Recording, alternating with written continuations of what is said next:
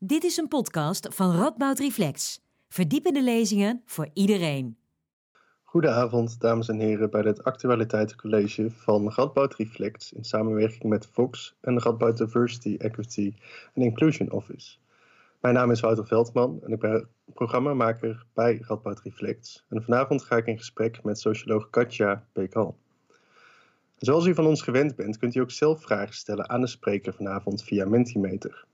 Bovendien beginnen we dit actualiteitencollege met een vraag van ons via Mentimeter aan u, het publiek thuis.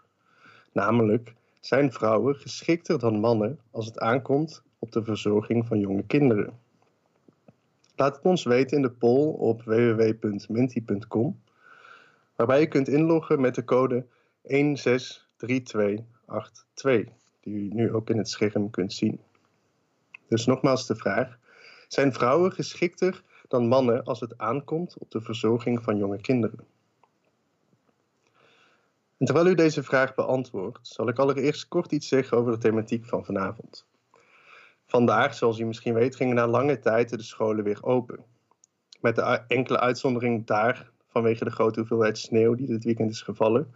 Maar desalniettemin vormt deze versoepeling van de coronamaatregelen voor veel ouders een grote opluchting. En dan in het bijzonder voor de moeders. Want zo blijkt uit verschillende onderzoeken, het zijn vooral de vrouwen uh, die alle extra zorgtaken en huishoudelijke taken op zich hebben genomen tijdens deze coronacrisis. Waar komt deze ongelijke rolverdeling vandaan? Zijn we als Nederlanders dan toch niet zo progressief als we zelf graag willen geloven? Of zijn we vooral door de coronacrisis ons met z'n allen wat traditioneler gaan gedragen? Over deze en andere vragen ga ik in gesprek met Katja Begal van de Radboud Universiteit. Zij doet onderzoek naar de relatie tussen betaald werk en familie. En recent onderzocht ze de invloed van corona op de opvatting dat vrouwen geschikter zouden zijn dan mannen in het verzorgen van jonge kinderen. Vandaar dus ook onze vraag aan u um, via Mentimeter. Uh, maar voordat we naar die resultaten gaan kijken, wil ik eigenlijk eerst graag de spreker van vanavond welkom heten. Uh, Katja, uh, welkom. Fijn dat je erbij kon zijn vanavond en tijd kon maken om met ons te praten over dit onderwerp. Leuk, ja, dankjewel dat ik aan mocht schuiven, al is het virtueel. Ja, ja, helaas. Er is, is er niks anders op. Um, misschien voordat we uh, echt naar de resultaten gaan kijken. Um, uh, uh, zou je misschien eerst iets kunnen zeggen over het onderzoek dat je dus zelf hebt gedaan? wat heb je precies onderzocht? Ja, dat was een nou, recent een onderzoek van mij met mijn collega Ellen Verbakel, ook hoogleraar op de sociologieafdeling. Of, ook, maar hoogleraar op de sociologieafdeling. Wat wij eigenlijk hebben gedaan is um, met een uh, steekproef van respondenten die één keer voor en één keer na de eerste lockdown uh, door de sociologieafdeling zijn geïnterviewd, hebben wij gekeken of hun antwoord op de vraag of vrouwen geschikter zijn om te zorgen voor jonge kinderen is veranderd. En wij nemen dit eigenlijk als een indicator voor een wat breder sociologisch concept, dat we ook wel gendernormen noemen, of normatieve uh, opvattingen over de rollen van mannen en vrouwen. En uh, ja, wil je dat ik ook uh, de resultaten alvast. Uh, uh, nou, misschien kunnen we eens kijken naar wat ons, publiek, ja. wat, wat, ons publiek heeft gezegd. Ik, ik, weet niet of we de resultaten al kunnen zien. Um, nou, hier, ja, hier zien we toch, dat is een vrij flink verschil. Het is toch een overgrote meerderheid zegt nee, jong, vrouwen zijn niet geschikter dan mannen per se in het verzorgen van jonge kinderen. Um, komt het ook overeen met, met wat je zelf hebt um, gezien? Ja, deze resultaten zijn eigenlijk uh, zo ver, verbazingwekkend representatief. Ook als we kijken zowel naar ons eigen, ook ons eigen onderzoek, dat moet ik erbij vertellen, was wat een, een klein onderzoek op een relatief kleine steekproef. Um, en, uh, maar deze vraag wordt ook uh, op een grotere schaal, ook al sinds de jaren tachtig, door het Sociaal Cultureel Planbureau onderzocht. En dan zien we eigenlijk dat het publiek hier is misschien iets wat uh, progressiever ingesteld dan de gemiddelde Nederlander, maar het ontloopt elkaar niet uh, vreselijk veel. Oké, okay. maar is dus, het dan uh, ook. dus we zien hier dat, dat, dat, dus heel veel mensen nee zeggen. Um, en dat heeft dan vooral te maken met de opvatting die mensen hebben. Maar zie, zie je dat dan ook terug in de, in de praktijk? Ja, nou ja, op zich vind ik dus, jij zegt de overgrote meerderheid is het één, of zegt hè, vrouwen zijn niet geschikter. Dus eigenlijk zeggen ze dan, nemen wij aan dat mannen en vrouwen even goed geschikt zijn om te zorgen voor kleine kinderen. Maar toch wel 27 procent, bijna een derde, die die stelling beaamt. En die dus vrouwen wel degelijk geschikter vindt. Um, in de praktijk zien we een veel, uh, veel uh, ja, schevere verdeling. de vrouw doet meer dan in 27 procent van de gevallen doet de vrouw het grootste deel van de zorg voor jonge kinderen. Um, maar we weten dus ook uit ander attitudeonderzoek dat mensen niet per se vinden dat dat hoeft of hoort. Dat is niet, hè? dus dat, dat loopt inderdaad elkaar nog, het ontloopt elkaar in de praktijk nog een beetje. En dan uh, is de praktijk dus traditioneler dan deze opvatting. Misschien, vo voordat we daarop verder gaan, nog even, even terug naar dan de mensen die, die zeggen dat um, vrouwen dus wel geschikter zijn dan mannen. We kunnen hier natuurlijk niet zien of dat mannen of vrouwen zijn geweest die dat hebben geantwoord. Um, heb, je, heb je een idee waar dat vandaan komt? Uh, uh, dat mensen dat überhaupt denken dat vrouwen geschikter zouden zijn? Of of er een verschil is tussen mannen en vrouwen? Nou, we zien. Ja, sorry. Wat? Ja, vooral dat eerste. Ja. Waar die opvatting um, precies vandaan komt. Um, nou, ik denk uh, dat we dat uh, moeten zoeken in uh, eigenlijk vrij, vrij, vrij sterke, wat wij noemen genderstereotyperingen. Dat, dat zorg meer iets zou zijn voor vrouwen en werk of ja, betaald werk, werkwijze meer voor mannen. En dat zijn opvattingen die deels ook op een hele, eigenlijk onbewust, nou niet onbewust, maar die bijvoorbeeld via vroege socialisatie ook gewoon via voorbeelden worden overgedragen. Um, dus het is ook wat mensen meemaken om zich heen. Het zit ook gewoon best wel sterk nog verankerd vaak in onze cultuur. Ik heb zelf jonge kinderen en dan lees ik kinderboeken aan ze voor. En soms um, ja, dan lees ik een zin voor en dan voel ik me bijna genoodzaakt er nog iets achteraan te schuiven. Zo van, uh, nou bijvoorbeeld uh, eergisteren nog zei een personage uit een kinderboeken tegen een jongen die wilde dan zuster worden. En die zei alleen maar, nee je kunt nooit zuster worden, je bent een jongen. Nou, dan denk ik, ja, dat, hè, dan, dat is een hele duidelijke. En dat is helemaal niet uh, kwalijk bedoeld. Het zijn hartstikke leuke boeken. En, maar hè, als op zulke manieren wordt dat, soort, worden dat soort opvattingen overgedragen. zonder dat het hier dus per se hoeft te gaan over een, um, een, ook een normatieve opvatting die zegt: dit is beter of dit moet zo. Ja, precies. Ja. Nee, duidelijk. Uh, dan zei je net ook iets interessants, dat het nog niet per se zo hoeft te zijn dat dan die, die andere groep die, die zegt dat uh, vrouwen niet per se beter zijn dan mannen in die zorgtaken, dat het nog niet wil zeggen dat uh, dat, dat zich ook um, in de praktijk zo uit. Ja, inderdaad. Kan je daar ja, misschien dat is iets, iets wat... meer over uitleggen? Ja, dat is iets wat, wat niet alleen wij hebben, wat al, al uh, eigenlijk uh, decennia wordt geconstateerd, is dat in, overigens ook niet alleen in Nederland, dit zien we in, in heel veel landen ook om ons heen, dat eigenlijk de opvattingen van mensen veel, wij noemen dat dan egalitairder zijn. Hè? Dus, dus dat ze veel gelijkere verdeling van taken zouden willen dan ze in de praktijk dan ook hebben. In Nederland weten we bijvoorbeeld dat iets van 6 op de 10 gezinnen eigenlijk werk en zorg graag gelijk zou willen verdelen. En dat lukt maar in, meen 1 op de 6 ongeveer. En het is echt een, een, het loopt elk, ja, het is echt een groot verschil in zeg maar wat mensen uh, nou ja, zeggen te willen en wat ze vervolgens doen. Ja. Dat is best, best gek natuurlijk. Uh, uh, ja, je, je, zou dan verwachten als je dat soort getallen ziet als je nu ziet, waarin, waarin dus dat soort taken niet gelijk verdeeld zijn, dat het ook te maken heeft toch met alle normatieve opvattingen. Maar dat blijkt dan niet zo te zijn. Maar heb je, heb je een in ieder geval niet de, de, de volledige verklaring te zijn. Mm. Maar heb je dan een, een idee waar dat dan uh, wel door komt? Uh, dat, de, dat de praktijk toch niet altijd overeenstemt met wat we zelf graag zouden willen? Uh, nou, ik, ik, denk dat we het dan hebben over een aantal uh, best wel ja, dingen die een beetje in elkaar grijpen. Die mensen op een punt brengen waar ze misschien niet per se hè, dachten te belanden. En hebben we het zeker over de hoger opgeleide stellen.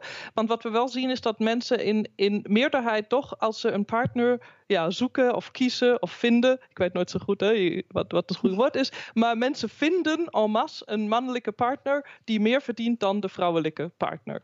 En daar zit um, deels, denk ik, wel een preferentie in.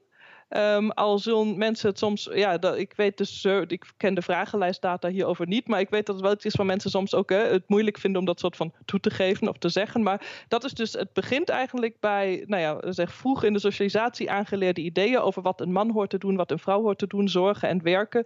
Um, preferentie voor een man als kostwinnaar en een, uh, ja, een, een mannelijke partner die meer verdient. En wat we dan gewoon in de praktijk zien, is toch dat in de meeste stellen, stellen dit soort beslissingen, vooral als er dan kinderen komen en er moet gezorgd worden, dan moet er vaak een van de partners moet dan toch minder werken, zeker de eerste jaren.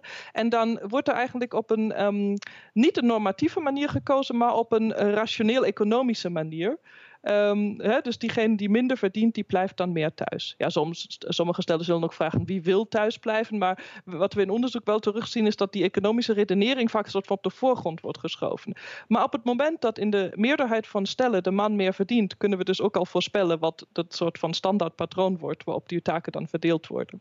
En wat we vervolgens wel weten uit psychologisch, maar ook sociologisch onderzoek, is dat als zo'n verdeling er een keer insluipt of hè, dat dat ja, zichzelf verstevigt en vervestigt. Ook omdat veel taken gewoon naarmate ze je vaker uitvoert, word je er beter in en, en gaat het je makkelijker af. En nou ja, dat, hè, zeker als een man voltijds buitenshuis werkt en de vrouw is bijna alleen maar thuis met een kind in het begin, krijg je al heel gauw een situatie waar de vrouw ook daadwerkelijk geschikter of handiger lijkt in, in zorgtaken. Um, en daarnaast worden ook die inkomensverschillen snel groter. dus zo'n zo'n een, een, verdeling die misschien op een, op een keukentafel aan een keukentafel wordt gekozen op een soort van, nou we doen het nu zo, hè, want we hebben ook de hypotheek, we willen op vakantie, dus jij blijft meer thuis dan ik. Dat kan na een aantal jaren heeft zich dat ja, in een echt patroon ontwikkeld. In, en, en zo doet iedereen eigenlijk een beetje hetzelfde. Ja. Ja, precies. Dus, uh, wat je eigenlijk zegt is dat dan gewoontevorming toch ook wel een hele belangrijke rol speelt. En, en, dat je dan eigenlijk uh, vast komt te zitten in dat soort rolverdelingen. Dan vraag ik me af, want het gaat nu natuurlijk ook wel over de rolverdelingen tijdens de lockdown. Of die gewoontevorming dan ook een rol speelt in het feit dat, dat vrouwen uiteindelijk meer van de zorg- en huishoudtaken op zich zijn gaan nemen. of dat er ook andere dingen meespelen. Nou ja, deels weten we dat natuurlijk hè, nog niet, omdat dit echt een hele nieuwe situatie was. Maar wat ik wel voorop wil stellen is dat toen dit begon, hè, dit, dit een jaar geleden ongeveer, toen waren er een aantal sociologen, maar ik zag volgens mij ook economen. En nou ja, ik zag een aantal mensen in de media die, en ik had dat zelf ook, die eigenlijk best optimistisch waren over dit. Hè, dit die lockdown, die zou dan, die patronen juist waar we het net over hadden, die, die een beetje vast komen te zitten op een gegeven moment ook. En voor mannen is het vaak ook overigens heel moeilijk hè, om deeltijd te werken, bijvoorbeeld of verlof op te nemen. Die zouden die doorbreken en misschien misschien zou dat wel tot een verschuiving gaan leiden. En uh, nou, dat is, het lijkt er nu op dat dat in de meeste gevallen niet is gebeurd. Dat mannen weliswaar wat, meer zorgtaken hebben opgepakt, maar dat vrouwen van het extra werken nog meer hebben opgepakt. En hoe dat dan gebeurt is denk ik, um, nou mogelijk in Nederland speelt ook wel een rol denk ik dat vrouwen natuurlijk deeltijd werken en mannen voltijd. Dus als je dan thuis bent, dan zul je toch, mannen zullen dus meer uren moeten draaien op het thuiskantoor. Om te voldoen waarschijnlijk aan hun, gewoon hun werk, uh, ja, uh, workload. Um, en deels zal daar ook, zullen diezelfde patronen mensen parten spelen. Ik doe het wel even, want uh, ik doe het altijd. Of de kinderen die ja, naar moeder toe gaan. Mama, mama, leg het uit, want moeder legt het altijd uit. Ja, en zo blijf je dan toch hangen in, die, in, in diezelfde patronen. En misschien, uh, nu hebben we natuurlijk weer over de praktijk, maar je eigen onderzoek um, ging, ging meer over de opvattingen die uh, mensen erop nahouden. En we hebben eigenlijk nog niks gezegd over je eigen resultaten van het onderzoek, behalve dat het veel overeenkwam met uh, wat ons publiek heeft geantwoord. Zou je misschien iets meer kunnen zeggen over hoe die, hoe die um, gedachten dan zijn veranderd tijdens de coronacrisis? Uh, ja, daar kwam, uh, uit ons onderzoek kwam eigenlijk vrij duidelijk dat, uh, dat mensen gemiddeld genomen traditioneler waren gaan antwoorden op die vraag. Of ja, wij noemen dat dan vaak traditioneel versus progressief. Uh, mensen waren het meer eens geworden met de stelling dat vrouwen geschikter zijn om kleine kinderen op te voeden dan mannen. En uh, dat zagen we eigenlijk specifiek bij, bij één groep was die, uh, die verandering het grootst. En dat was de groep thuiswerkende mannen wiens partner buitenshuis bleef doorwerken. Dus twee verdieners waar alleen de man thuis werkte. Die hebben we zeg maar afgezet tegen nou ja, de andere combinaties, hè, waar beide partners buitenshuis werken of allebei thuis of de man thuis en de vrouw ook thuis thuis. Nou ja, uh, thuis omdat ze een huisvrouw is. Al die. Maar die, die groep mannen die thuis werkten met een buitenshuis werkende partner, die zijn uh, ja, um, het meest veranderd in hun opvatting. Maar de gemiddelde de tendentie in de hele steekproef was naar richting meer traditioneel. En die, en die mannen die dus, dus uh, thuis werkten terwijl de vrouw buitenshuis werkte, die zijn dus ook echt traditioneler gaan denken gemiddeld genomen. In onze kleine beperkte steekproef. Hè. Ik ben heel huiverig dit gelijk tot een totaal uh, groot patroon te, soort van te verheffen. Ik weet ook hoe generaliseerbaar deze bevindingen zijn. Um, ja, dus, maar het, is wel, het past wel in de, in de overige dingen die we hebben gehoord over de taakverdeling. Ja, dat nodigt in ieder geval uit tot, tot verder onderzoek en het uh, biedt stof tot nadenken. Dat zeker, ja. Ik uh, vroeg me dan wel af of, of vrouwen, uh, wiens man dan buitenshuis werkt en die, die zelf thuis werken, of die dan ook anders zijn gaan denken. Of... Vrouwen, nou bij vrouwen zagen we dit eigenlijk veel minder. Ja, dus dit werd echt, dit, of veel minder, maar zover, het was dus een vrij kleine groep, maar zover waar het konden uit elkaar konden pluizen, waren het ook de mannen zelf meer dan hun vrouwelijke partners. Of meer dan, laat ik anders zeggen, meer dan respondenten, vrouwelijke respondenten, wiens man thuis werkte terwijl zij zelf buitenshuis bleven werken. Ja, precies. Um, misschien even, ja, we hebben het natuurlijk gehad over uh, de verschillende opvattingen uh, die er zijn en die dus traditioneler zijn geworden. In ieder geval in, in, in, in jullie onderzoek. Uh, en dat blijkbaar uit onderzoek uh, uh, ook blijkt dat uh, ook de praktijk een stuk traditioneler is geworden. Is dat nou een uniek Nederlands probleem of, of, of speelt dit ook, ook wereldwijd? Um, tijdens de coronacrisis zagen we wel uit een aantal westers landen, ik wat ik heb gevolgd, zien we deze, de zorgen over de, de ja, richting de vrouwen verschuivende taakverdeling wel in meer landen. En ik vermoed ook dat dit, ik zou denken dat dit helemaal niet uniek Nederlands is. Nee, ik zou denken dat dit best wel overeenkomt met uh, wat er in landen om ons heen gebeurt. Ik volg het een klein beetje in mijn eigen, mijn geboorteland Duitsland, een beetje met een half oog. En ook daar zie je ja, vooral ook. Um, ja, de moeders of de vrouwen ook veel zorgen uiten over hun uh, thuiswerksituatie. Um, en je kunt je voorstellen dat dit mogelijk in landen met minder deeltijdwerk ook nog nijpender is. Um, ja, omdat dan, er dan precies met, met minder uh, deeltijdwerk? Uh, ja, Nederland is natuurlijk wel uniek hè, in de zin dat hier driekwart van de vrouwen in deeltijd werkt. En we zien wel in, in, Duitsland, bijvoorbeeld in Oostenrijk, is dat ook ongeveer de helft. Maar daarna wordt het wel in Europa bijvoorbeeld wordt het gauw minder. Hè. Dus in de meeste, verweg de meeste landen wordt een stuk minder in deeltijd gewerkt. En dat betekent voor vrouwen dus dat um, er dan eigenlijk sprake is van wat sociologen ook een, een, een second shift noemen. Hè. Dus dat vrouwen um, niet alleen het betaalde werk uitvoeren, maar dus ook het onbetaalde werk, waardoor zij een veel hogere belasting ervaren. Dit is iets wat wij in Nederland gewoon niet zien. Dat is op, dat is op zich goed nieuws, al heeft dat natuurlijk, hè, het heeft wel economische implicaties. Maar Nederlandse vrouwen en Nederlandse mannen besteden ongeveer evenveel uren als je het optelt aan betaald en onbetaald werk. Um, dus in die zin is er geen ongelijkheid. Maar als je je voorstelt als vrouw, als je 40 uur werkt en daarnaast doe je ook nog uh, die 15 of 20 uur huiswerk per week, huishoudelijk werk, dan nou ja, is, dat, is dat zwaar. En dan, als ja, je dat huisonderwijs per optelt, hè, dan, dan is, wordt dat denk ik um, ja, eerder zwaarder. Ja. Het is wel natuurlijk interessant, ja, de, denk ik nu aan, nu, nu je dat zo zegt. Uh, we hebben natuurlijk dan over betaald en onbetaald werk. Um, en dat zeker nu in de, in de coronacrisis loopt sowieso privé en werk al, al meer door elkaar heen. Maar dan dus ook dat betaalde en onbetaalde werk. En klinkt onbetaald werk natuurlijk nogal uh, negatief of niet, niet zeggend. Ik heb een idee dat dat misschien ook een rol zou kunnen spelen in, in uh, het feit dat, dat, dat dit zoveel uh, uh, op het bordje dan van de vrouw terechtkomt. Dat, dat er niet echt voldoende waardering bestaat voor die vorm van werken. Misschien ook in, nou, juist in coronabeleid. Ja, juist in coronabeleid, dat durf ik niet zo goed te zeggen. Wat wel zeker een, het geval is, hè, dat, dat, ook dat geldt zeker niet alleen in Nederland, is dat natuurlijk uh, huishoudelijk werk sowieso, nou ja, bijna niemand vindt het oprecht leuk. Het is onbetaald en daarmee, zoals je aangeeft, eigenlijk ook al sowieso niet zwaar gewaardeerd. Hè. En dat wordt dus ook van mannen. En daar zien wij ook wel echt een probleem in. Hè, dat in de afgelopen decennia zijn vrouwen best wel massaal uh, richting mannenberoepen gegaan. Of ja, decennia sinds de jaren zeventig ergens. En, naar mannenberoepen gegaan. Vrouwen hebben ook die hogere statusberoepen echt wel aangegrepen. Ook al, ook al is het nog niet op 50-50.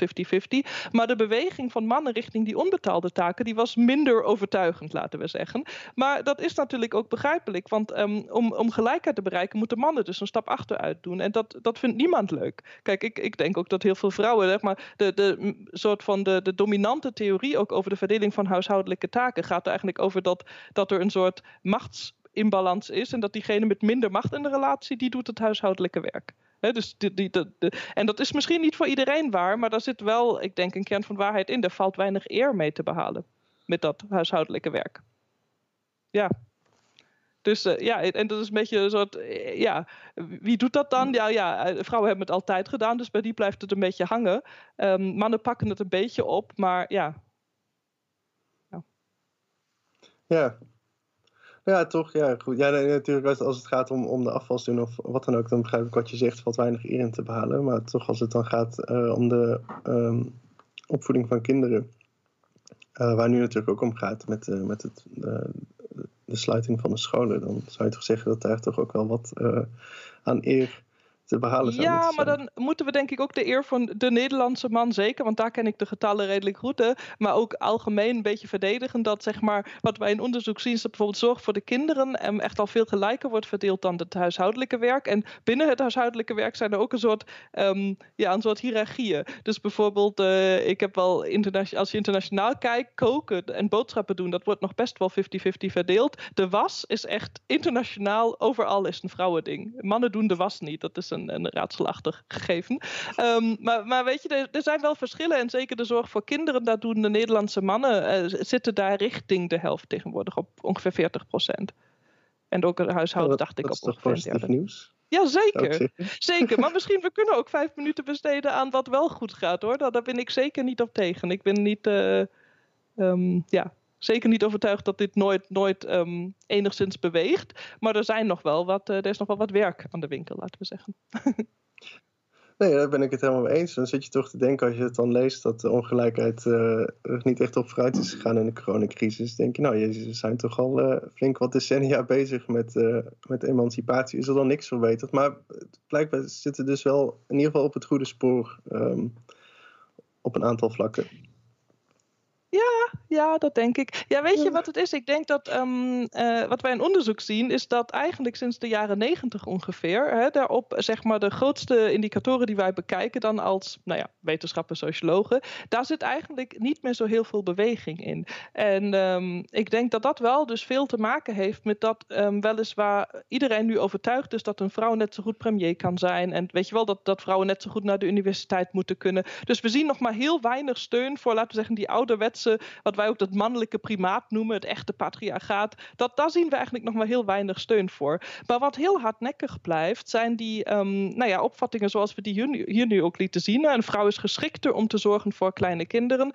Daar, daar zijn mensen uh, wat, ja, veel, veel meer geneigd te zeggen. Er zijn hele uh, ja, diepgaande verschillen tussen mannen en vrouwen. En die uiten zich dus in die verschillende taken. En dan moeten we, ja, dan moeten we misschien ook maar zo laten. Als vrouwen zelf thuis willen zijn en voor de kinderen zorgen, dan is dat even goed feministisch. Hè? Een beetje het verschil tussen gelijkheid en gelijkwaardigheid, wordt dat ook wel genoemd.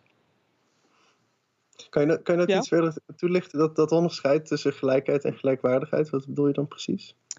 Nou ja, we zagen dat in de, hè, in de, in de feministische golf van de jaren zeventig mensen echt uh, streden voor, voor een, een, een echte gelijkheid op alle vlakken. Hè. Zeker op gelijkheid op kennis, inkomen, machten. Hè. De, de grote, die grote dingen, maar ook binnenshuis. Dat mannen en vrouwen gelijk moesten zijn. En dat, dat betekende ook gelijke vertegenwoordiging in alle beroepen. Zou overigens ook dus betekenen dat mannen meer zorgberoepen oppakken. Ook iets waar we echt enorme, uh, zeg maar, waar, de trend niet zo doorzet, laten we zeggen. En uh, ergens gaandeweg de jaren 90, begin jaren 2000 zien we dat dat qua um, ja, soort van voorheersend feminisme toch meer opschrijft richting wat dan ook wel de derde golf wordt genoemd, soort keuzefeminisme. Het is oké als je zelf ervoor kiest om dingen, mannen en vrouwen zijn ook niet gelijk, maar ze zijn dus gelijkwaardig, dus we moeten geen statusverschillen impliceren. En ik, ik zeg dit heel voorzichtig, en je merkt het misschien aan mijn bewoordingen. Ik ben um, zelf namelijk overtuigd dat dit op zich geen, geen foutieve redenering is, maar dat we dus op het moment dat we over het hoofd zien hoe groot die gevolgen zijn van al die vrijwillige keuzes gebaseerd op een gevoelde preferentie. Hè?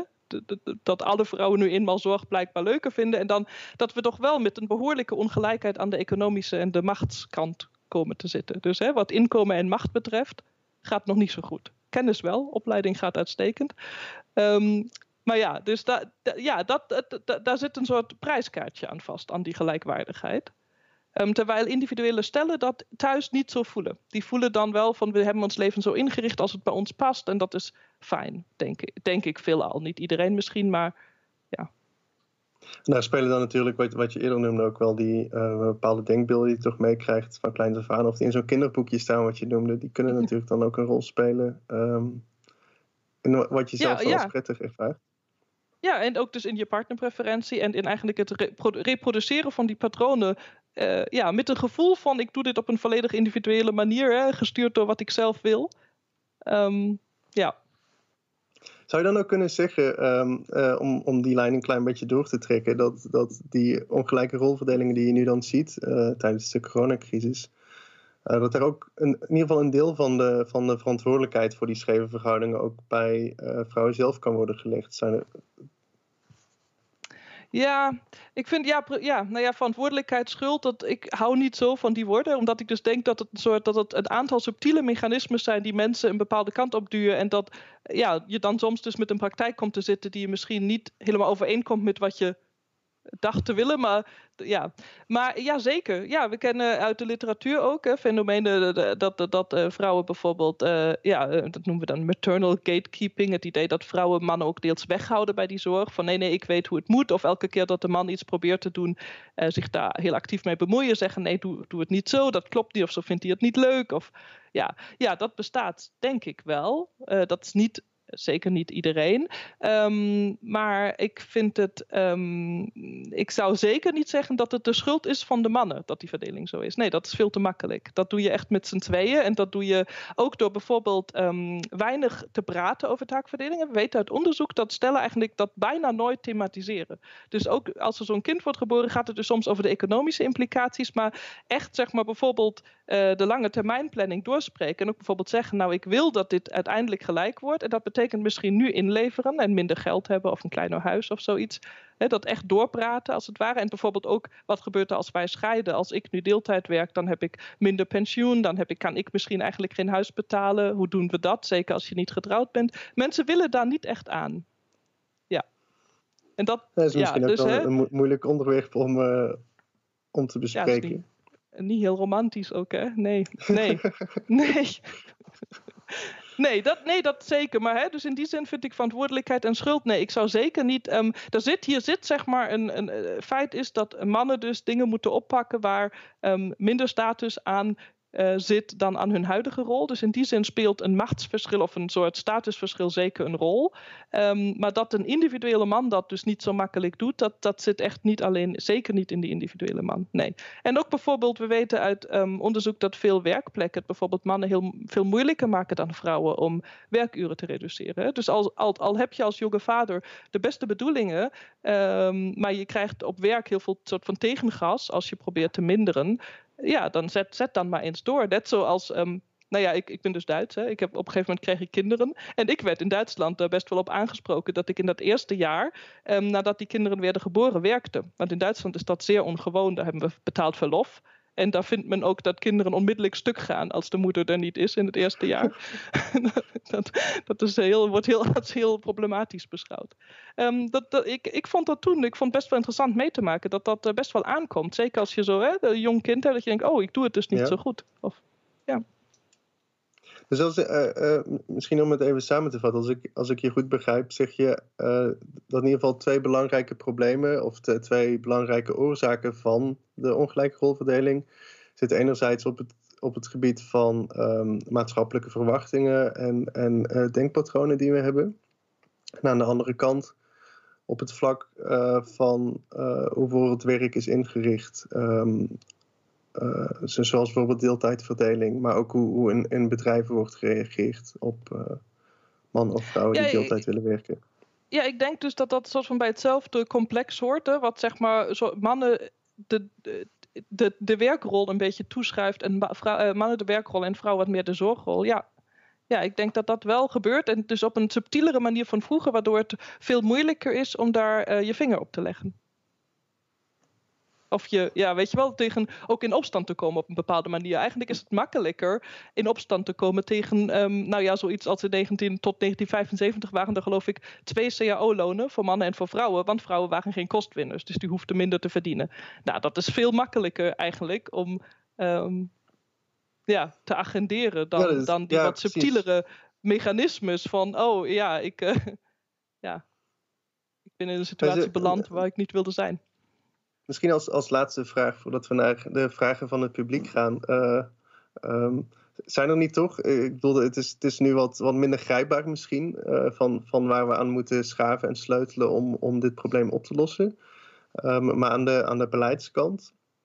Um, of of uh, in de richting van de maatschappij. Zou je een suggestie kunnen doen waar, waar we in ieder geval naar zouden kunnen kijken om, om dit soort ongelijkheden verder op te nou, lossen? Wat, wat we weten uh, is dat um, goed betaald verlof, uh, niet te lang en niet tussen partners uh, overdraagbaar, uh, echt wel helpt om uh, vooral op het moment, en we weten dat zeg maar, die rolverdeling uh, richting traditioneel lijkt te schieten op het moment dat er een kind wordt geboren. Nou ja, zoals ik aangaf, dan is het ook wel logisch. Hè? Dan, dan zijn er veel meer zorgtaken, dan moeten, moeten keuzes worden gemaakt. En Nederland heeft eigenlijk een um, helemaal geen goed ingericht verlofstelsel. We weten uit omringende landen, vooral Scandinavische landen, dat als mensen voor een beperkte tijd goed betaald hun uren kunnen reduceren, en zeker als dat dus niet tegen elkaar, als de mannen hun verlof niet mogen overdragen op vrouwen, dat dan dus vrouwen ook minder snel hun uren duurzaam reduceren. En ik denk dat, uh, dat hier wel um, iets in zit. En nou ja, dankzij de nieuwe Europese richtlijn gaat Nederland ook um, over hè, op uh, in elk geval vier maanden verlof waarvan twee betaald. En die zijn dan ook niet overdraagbaar. Dus het is denk ik een stap in de goede richting dat stemt in ieder geval gunstig. Uh... Het, ik vind dit een gunstige ontwikkeling, ook al nog een keer. Hè, dus een beetje lullig om te zeggen, maar Nederland heeft dit niet gedaan omdat het, Nederland is eigenlijk heel erg tegen betaald verlof geweest altijd. Ze doen dit nu omdat het moet, maar het is goed dat ze het doen. Of dat we het doen. Maar, ja. Ja. Misschien een als tegenvraag, een vraag uit het, uit het publiek, een, een wellicht wat pikante vraag. Um, we zijn nu, uh, waar natuurlijk nu allebei ons, ons uh, enthousiasme over dat deze zaken aan het veranderen zijn. Maar iemand uit het publiek vraagt: in hoeverre is het eigenlijk problematisch dat deze traditionele genderopvattingen nog bestaan? Tussen aanhalingstekens. Nou ja, dat is dus wat ik net al aangaf. Hè. Op zich vind ik dat hele idee van die gelijkwaardigheid. En als vrouwen nu eenmaal liever zorgen en mannen liever werken. Dat is in essentie niet iets mis mee. Maar op het moment dat we als samenleving ook besluiten om die zorgtaken niet te betalen, om geen. Um, en op het moment dat we een, ja, de helft van de stellen in scheiding eh, of gaat scheiden, en ook dat mannen kunnen natuurlijk werkloos worden enzovoort, zitten er gewoon hele reële economische nadelen aan. En dit geldt, wat ik nu, die voorbeelden die ik nu gaf, een scheiding of een man die werkloos wordt, dat geldt op huishoudniveau. Dus daarvoor is het al ongunstig in principe als je niet allebei uh, genoeg kunt verdienen om in elk geval uh, rond te komen. Maar op uh, maatschappelijk niveau zien we dus dat vrouwen daardoor wel terugvallen in dat, hè, die, dat delen van, van inkomen en macht. Um, ja, en daar moeten we. Ik vind dat persoonlijk wel problematisch. Hè? Dat, dus, maar er is dus ook een oplossing denkbaar waarin we vrouwen betalen voor het goed opvoeden van de kinderen die we als samenleving nodig hebben. Ook dat was overigens in de jaren zeventig volgens mij een van de feministische claims. Dus ja, ja, dus, en die opvattingen per se, kijk, opvattingen zijn natuurlijk zelf, dat zijn ideeën. Dus die zijn niet het probleem. Dus ik, had, ik had het nu eigenlijk meer over gedrag. Ik hoop ja, dat het precies. een antwoord was. ja. Nee, ik, ik, ja, goed, we, we weten natuurlijk uh, uh, nooit zo via, via Mentimeter, maar het, het was nee. in ieder geval een, eh, een, een, duidelijk antwoord. Een, een andere interessante vraag, um, ik weet niet of dit ook mee is genomen in jullie eigen onderzoek, uh, maar we hebben nu natuurlijk eigenlijk de hele tijd impliciet gehad over heteroseksuele stellen. Maar nu vraagt iemand, hoe zit het dan eigenlijk bij gezinnen met twee mannen uh, of twee vrouwen? Mm -hmm. En dan qua opvattingen of qua um, verdeling? Ja, dat weten we niet. Het wordt niet, niet, niet duidelijk uit de vraag, maar ik denk nee. dat het allebei uh, interessante vragen zijn. Um, nou, wat we weten. Even goed nadenken. Het is wel, het is niet helemaal hè, waar ik op focus, maar ik weet er wel het een en ander van. Sowieso zijn natuurlijk homoseksuele stellen hele, um, of ja, daarmee bedoel ik dan zowel lesbische als uh, mannen, homoseksuele mannen. Ik weet in Nederland, same-sex couples noemen we dat in het Engels. Ik weet nooit zo goed of de, is homoseksueel in Nederland de vertaling? Help me even, Wouter. Ik zeg gewoon same-sex Ik zou zelf couples. gewoon zeggen homoseksueel ongeacht. Uh, ja, uh. precies. Da dat bedoel ik. bedoel dus ook de vrouwen. Um, nou, wat, wat natuurlijk logisch is, is dat zij niet um, de, ha kunnen handelen naar traditionele genderopvatting, omdat zij de, niet de, de, de twee tegengestelde sekses hebben. Um, dus wat wij zien is dat sowieso vrouwen in lesbische stellen minder grote inkomensverschillen hebben. En dat um, ook in lesbische stellen, en die moet ik even goed concentreren, was een leuk onderzoek van een uh, masterstudent die ik kende. En dit ook, ook van, nou ja, in Zweden hebben ze soortgelijke bevindingen, dat de moeder die de sociale zorgrol op zich neemt, een vergelijkbare achteruitgang in inkomen heeft bij lesbische stellen dan bijvoorbeeld de uh, in, in heteroseksuele stellen. En de biologische moeder alleen maar als ze dus zorgt. Dus dat is alvast interessant. Hè? Dus je kunt die zorgrol en die baarrol, die kun je loskoppelen. Dat doen lesbische stellen ook, ook nou ja, best wel veel. En dan zie je dat de nadelen, laten we zeggen, in termen van inkomen terechtkomen niet bij de barende vrouw, maar bij de zorgende vrouw. Um, dus in die zin kun je, ja, wat zeg, je kunt het uh, uit elkaar trekken. Um, sowieso weten we dat de meeste same-sex couples, homoseksuele stellen, zijn over het algemeen progressiever ingesteld dan heteroseksuele stellen. Maar daar zit natuurlijk ook selectie-effect op. Hè? De mensen die zichzelf identificeren als homoseksuele stellen zijn over het algemeen relatief jong, wonen in grote steden en zijn nou ja, sowieso de mensen die al progressieve opvattingen hebben. Um, ja, dus dat en zover ik weet, uh, ja, dat is, dat is wat ik er top of my head uh, over weet. Ja, precies. Maar als ik, En- als ik het goed en- begrijp, zeg je dat er dan Ik wil nog zeggen dat mijn collega Ellen Verbakel daar ooit met haar collega, met Eva Jaspers, meen ik, een leuk een, een paper over heeft geschreven. Waarin zij hè, de taakverdeling, eh, verklaringen voor de taakverdeling toetst bij same-sex couples. Dus wie meer wil weten, aan- kan googelen. aan, aan degene die deze vraag heeft gesteld. eh, Ja, precies. hey, ik kan het waarschijnlijk vinden via de website van de, van de Radboud eh, Universiteit. Ja. Ehm,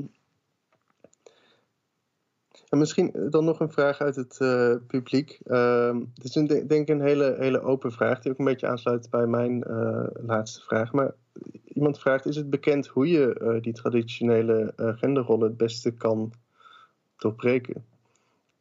Dat is een hele die iets- Iets, eh, iets, meer toespitsen Ja. eh, of iets, iets minder breed maken. Eh, misschien niet hoe je het het beste kan doorbreken, maar in ieder geval zijn, er aangewezen methodes of, of eh, vorm van aanpak of beleid binnen de sociologie die, die eh, bewezen effect hebben in het doorbreken van dat soort Nou, daar wil ik eigenlijk, eh, wat ik wel belangrijk vind als we voor op te stellen, is dat we dus ehm, werkelijk geen enkel land in de wereld bestaat waar eh, de verdeling van zorgtaken en werktaken gelijk is.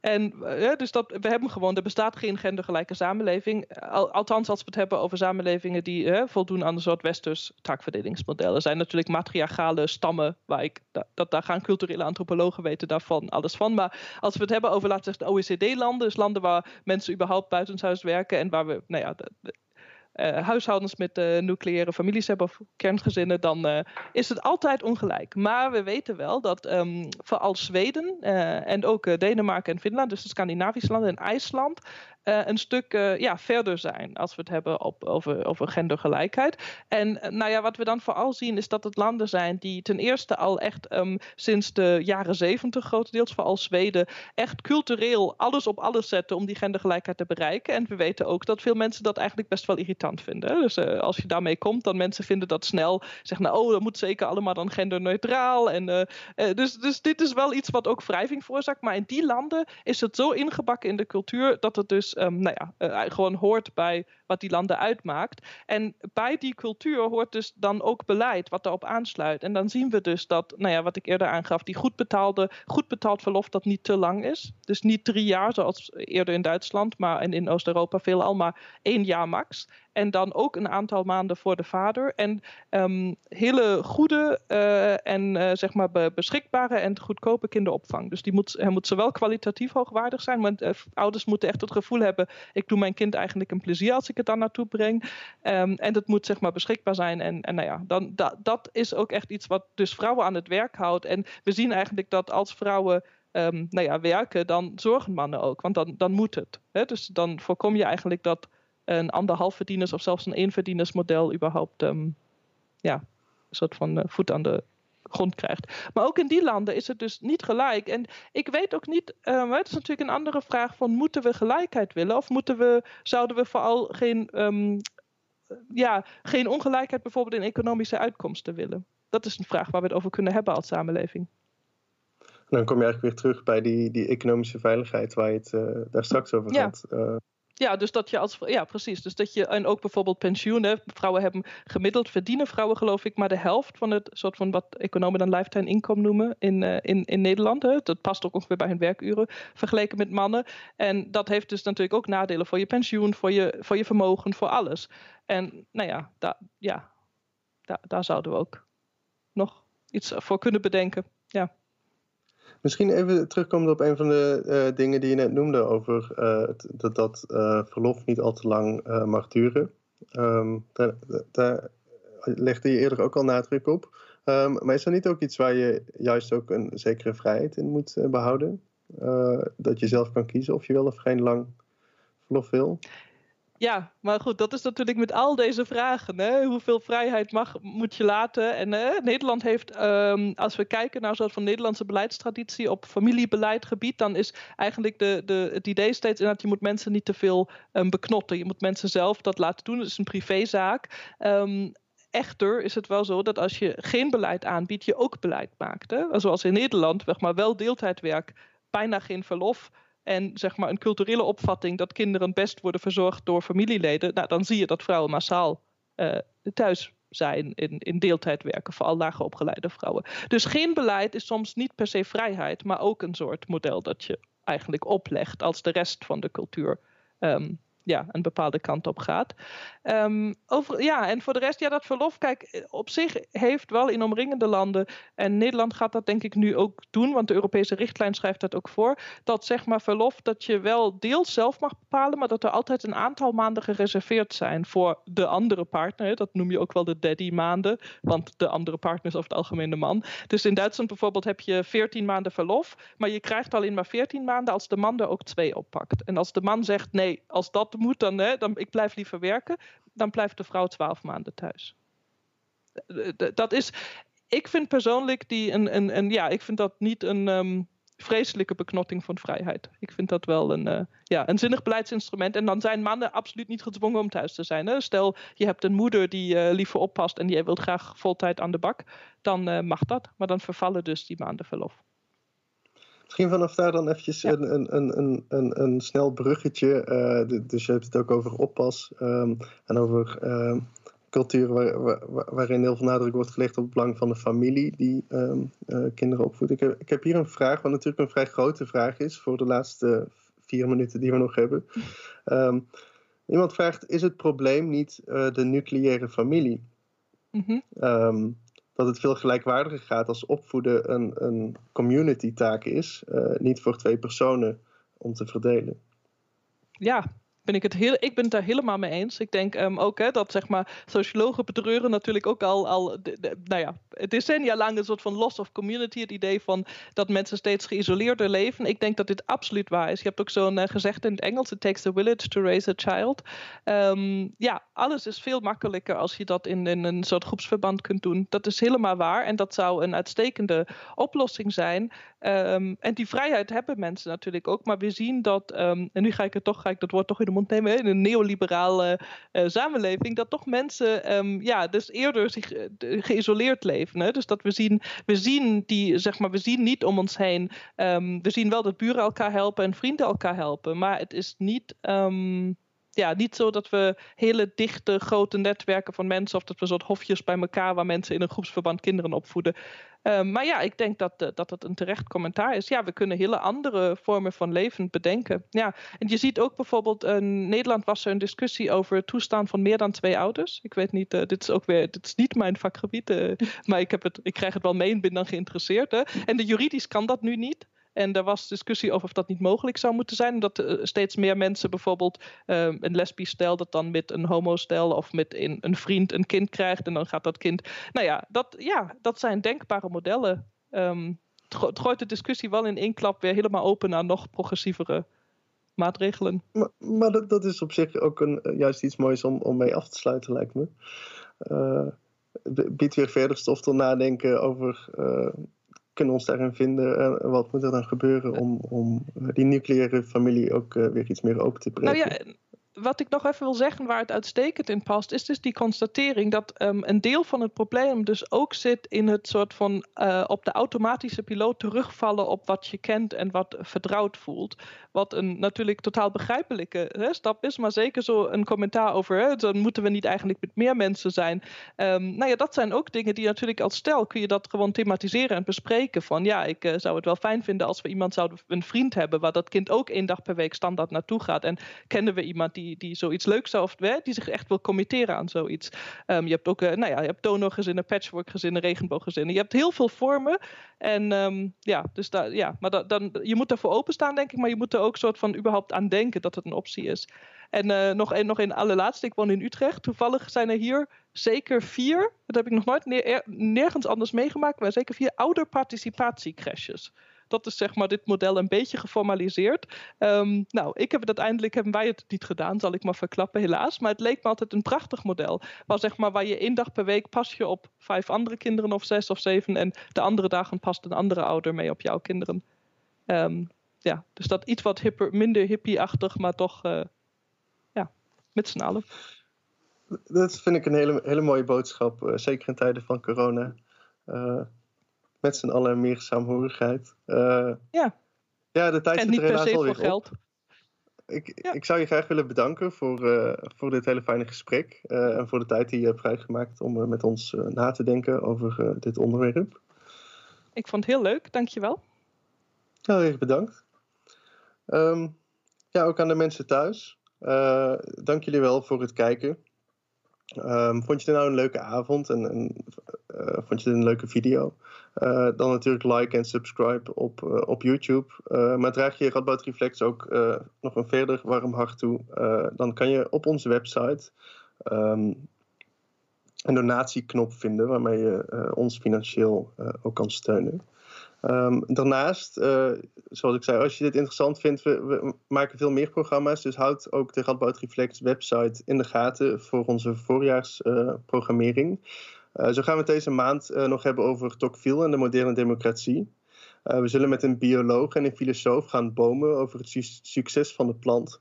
en we gaan ons buigen over het vraagstuk van politieke rechters. Dus hou de website zeker in de gaten. Hopelijk tot een volgende keer. En nogmaals bedankt voor het kijken en een hele fijne avond.